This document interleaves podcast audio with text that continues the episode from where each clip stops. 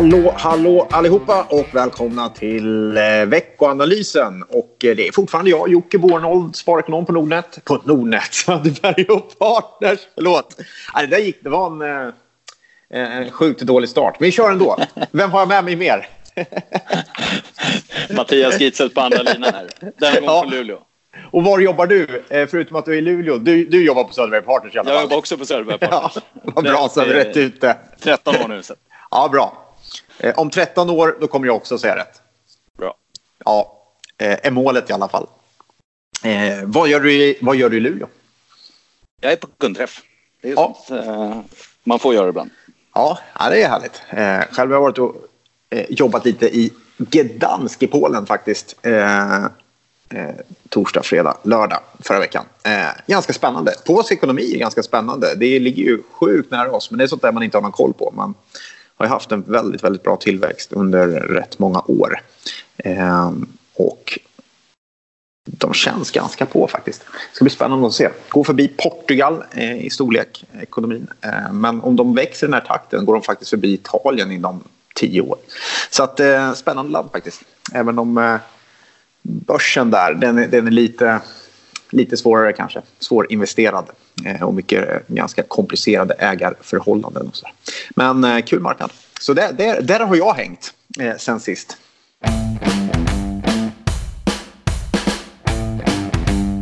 Jag går över till något helt inhemskt istället. Du pratar ja. globalt här. Jag, jag, håller mig lite med på den svenska marknaden här. Idag. Ja, men då gör vi det. Då gör vi det. Initialt, initialt gör det. Eh, och I veckanalysen då så fokuserar vi lite grann på den just svenska bostadsmarknaden. Och frågan är om vi ser ett litet trendbrott. Det har ju varit ja, fallit eh, ihop lite grann under det senaste året här på, på många delar, både bostadsrätter och villor. Men eh, tittar man på senaste prisstatistiken så ser det onekligen ut som att det blir lite mer oförändrat eller åtminstone en viss stabilisering och det kom in dels då prisstatistik från svensk mäklarstatistik oförändrat där. Det kom in prisstatistik från SCB och även den lite mer oförändrat och sen dessutom så väntas ju då Valueguard presentera aprils HOX-siffror nu på fredag och i den mm. senaste mätningen så visar man faktiskt där en uppgång på 0,7 procent så att eh, lite ljusare ändå och det är ju naturligtvis ja, vad drivs bostadsmarknaden av?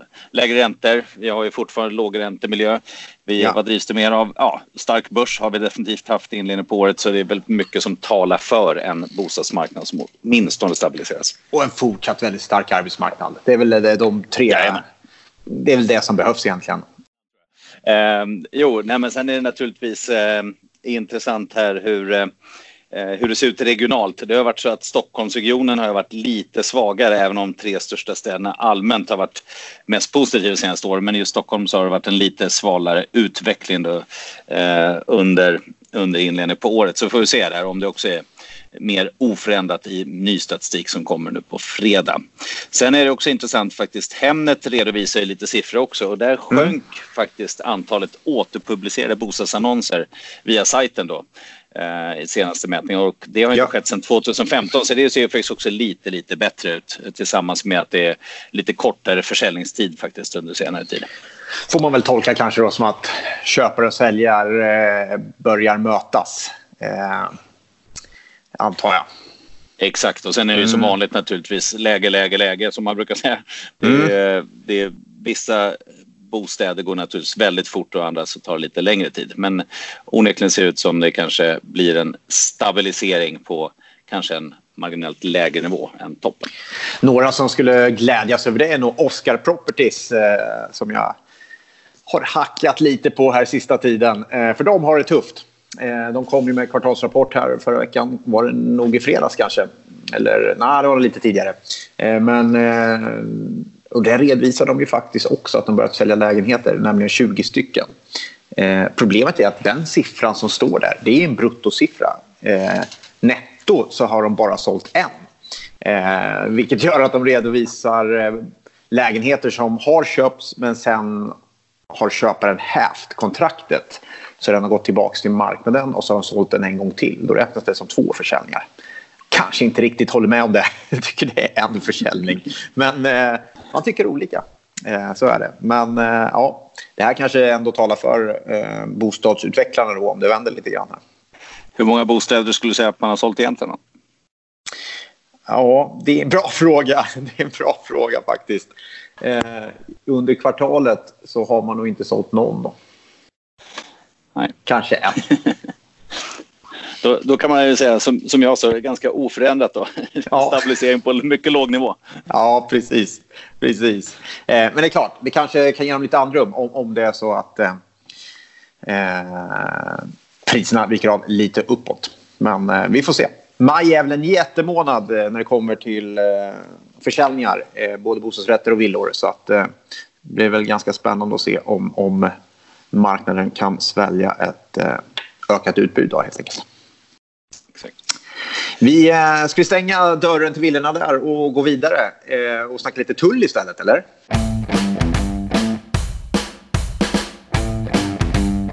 Jajamän, från inhemskt till väldigt globalt. Då. Och det här är ju naturligtvis handelskonflikten som har eh, ja, påverkat börshumöret under längre tid. Och det här är ju till skillnad från många andra politiska risker som jag brukar tycka är lite överdrivna i media ibland så är det naturligtvis mm. det väldigt viktigt att få, få stort genomslag. Och frågan är ju lite grann, är det förhandlingstaktik eller är det på riktigt? Och eh, initialt så börjar det här med, som vi pratade om förra veckan, med en tweet från Donald Trump ja. Efter att det varit en ganska lugn period i flera månader innan när man tror att man skulle teckna ett avtal här under juni. Men nu så från en tweet till att faktiskt ha höjt tullarna nu. Och eh, då är det till ett ytterligare värde av 250 miljarder dollar där man höjer tullarna från 10 till 25 procent. Så naturligtvis osäkert marknadshumör därefter. Och det där, det är klart att det, det svi, måste ju svida för Kina. Eh, det är väldigt mycket tolkningar fram och tillbaka men det är ändå de där pengarna, det, det, det kommer ändå svida. Så är det ju förstås. Tror du det gör att man tvingas in till förhandling? Eller hur ska man tolka det där? Ja, så kan man väl säga. Och det är ju naturligtvis man kommer göra så mycket som möjligt för att det här ska bli ett liksom, balanserat handelsavtal. Och vi vet ju hur, hur det har varit med Donald Trump de senaste åren redan. Han går ut hårt och sen naturligtvis kommer det här leda någonstans till lite mer till lite mer värdigt avtal där båda kommer överens. Det, det, tror jag absolut. Men naturligtvis initial stor oro. Det synkar bra med den starka börsuppgången som har varit och naturligtvis tittar vi på börsen förra veckan. Vilka bolag var det som drabbades? Ja, framförallt de lite mer exportberoende bolagen. Boliden ner 12 SSAB ja. Autoliv ner ordentligt. Så att, eh, det här får ju naturligtvis initialt en, en stor påverkan. Sen så tror jag att man kommer hitta en, en väg där båda är någorlunda nöjda ändå. Ja, sen kanske investerarna inte var så jättelångt från säljknappen också efter den uppgång som har varit. Det tror jag inte. Det har ju varit en, som jag pratat om flera gånger, en ganska stor divergens mellan egentligen makrodata och annat som kommer in och börsutvecklingen. Så att det har ju faktiskt prisats in en, en väldigt, eh, ja, ett, ett snällt handelsavtal och inte minst också naturligtvis en mer avvaktande Federal Reserve ska vi inte glömma bort. Ja, och det var inte så länge sedan i den här podden vi pratade just om det att himlen är väldigt blå. Det kan bara komma in ett moln och det gjorde det också. Eh, så, ja, det var ju tur att vi hade rätt. Någon gång i alla fall. Eh, eh vad ska man... Eh, vad, vad, vad, vad var de viktigaste... så här, vad var de viktigaste makrohändelserna eh, veckan som gick här då? Ja, det var ganska tunt eh, så allmänt i USA, men det som kom in var ju konsumentprisinflation. Och eh, den kom in lite lägre än väntat. Och det, det, har varit lite, lite försiktiga inflationssiffror överhuvudtaget senaste tiden. Och eh, framförallt så, så är det i princip ökningen av bensinpriser som, som ligger med i, i den ökningen som finns. Så att eh, sammantaget skulle jag säga, det förändrar inte bilden vilket gör att osäkerheten kvarstår. Eh, ja. För det, tittar man på Fed så är det ju naturligtvis så att marknaden räknar i år med att man kanske till och med sänker ett steg medan man själv har sagt att man ligger kvar och jag tror att den osäkerheten kommer i alla fall finnas kvar. Mm. Eh, så egentligen inget direkt nytt från den inflationssiffran. Däremot tittar man i Kina då eh, så kommer ju då import och exportsiffror. Och eh, här är det ju precis som vi pratade om förra veckan att det var en stor påverkan från det här kinesiska nyåret i den kinesiska exportsiffran som kom för, för mars. Och nu när den kom för april då så visade det sig att den här starka siffran förra gången var påverkad av nyåret och nu så föll exporten med 2,7 procent. Så jag skulle säga den här tydliga stabiliseringen i Kina, den ser vi inte riktigt än. Däremot så stärktes importen ordentligt och eh, där är det ju återigen en sån här liten engångseffekt inblandad från momssänkningen bland annat. Men eh, importen stärks och det är framförallt från andra länder än just USA och det är ett par saker som sticker ut i den här siffran, bland annat oljeimporten som nådde nya rekordnivåer. Och det skulle ju då peka på att oljepriset skulle kunna ta ny fart. Naturligtvis i kombination med Iran-sanktioner, Venezuela-sanktioner och annat med begränsat utbud så, så talar det naturligtvis för ett högre oljepris. Och det i sin tur naturligtvis också att inflationen skulle kunna tillta igen.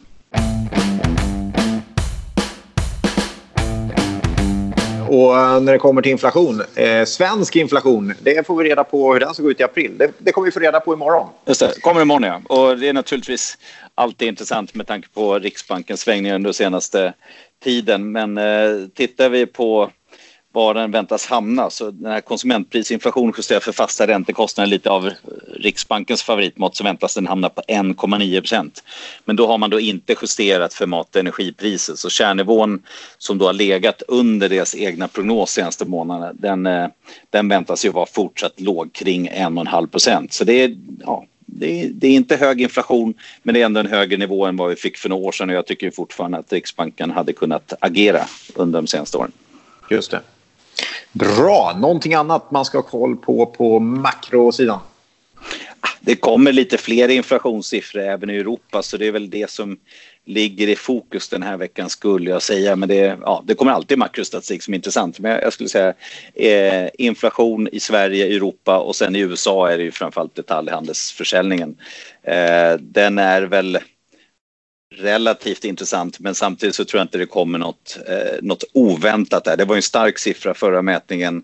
Eh, vi har haft ganska bra konsumentförtroendemätningar. Jag tror att det fortsatt är på en, en hyfsad nivå. Det väntas öka 0,4 procent under april. Eh, men det är inget som jag tror får större genomslag eh, i börs, eller på börsen på något sätt. Naturligtvis kan det påverka tillväxtprognoser för USA något fram och tillbaka men, eh, men det är inte ganska tunn vecka skulle jag säga ändå. Även om den är lite intress intressant och sen även Philly Fed index och industriproduktionssiffror. Yes. Ja, på aktiemarknaden så ramlar in en hel del rapporter fortfarande faktiskt. Eh, inte över än, riktigt rapportperioden. Eh, ska man lyfta fram några svenska kanske då? Eh, det är måndag eftermiddag när vi spelar in det här och då kan vi se fram emot Nibe som kommer tisdag morgon. Det är alltid spännande. Ett Eh, intressant och välskött bolag från Småland eh, som ni säkert alla känner till. Eh, vi har också Fingerprint Cards som alltid brukar bjuda på överraskningar eh, när de kommer. Kommer på onsdag. De, de, kan vara kul att kolla på också hur det går. Framförallt när det kommer till eh, korten som eh, då eventuellt ska kunna få Fingerprint Cards att lyfta. Eh, kolla upp lite utländska grejer så är väl Alibaba och Tencent, de kinesiska jättarna som båda kommer på onsdag. Rätt spännande förstås. Eh, eh, väldigt, väldigt intressanta bolag. Båda har fått eh, eh bankoktrojer, skulle vi kunna kanske kalla det, eller rättigheter att driva bank eh, via Hongkong. Eh, och eh, kanske kan ge en bra eh, signal över hur hur Kina mår också. Så att eh, de ska jag hålla lite extra koll på. Alibaba och Tencent alltså. Annars är det lite smått och gott. Och eh, vi kan väl avsluta med att eh, både Oslo och Köpenhamnsbörsen är stängda på fredag. Så har ni tänkt göra någonting där, då får ni göra det innan dess. Helt enkelt. har vi något annat vi ska tillägga? Nej, jag måste ju bara lägga till det här på Nibe. Alltså, det är ju ett litet favoritbolag för mig. Även om jag tittar mest makro så är det ju, man är alltid tycker man att det ser väldigt, väldigt dyrt ut. Och mm. sen så kommer de ändå med bra rapporter och fantastiskt långsiktigt bra förutsättningar. Men, men den är uppe, jag tror det är 35 procent i år. Den handlas på värderingsmultiplar som man inte kan uttala längre, eller säga. Mm. Och det är ju liksom värderingar som är högre än i storsnitt, högre än sektorn, högre än allt man har sett och ändå ja. så, så brukar de faktiskt leverera. Eh, jag tycker det är lite känsligt på den här nivån, men det är ett fantastiskt bolag. Så jag mm. håller helt med. Det är ett sånt där bolag som man eh, hela tiden säger att när det blir billigt ska jag köpa det. Exakt. ja, jag ska köpa det i dippen, men det, kommer aldrig. I mitt fall är det jag skulle aldrig ha sålt. nej, så kan det vara. Så kan det vara.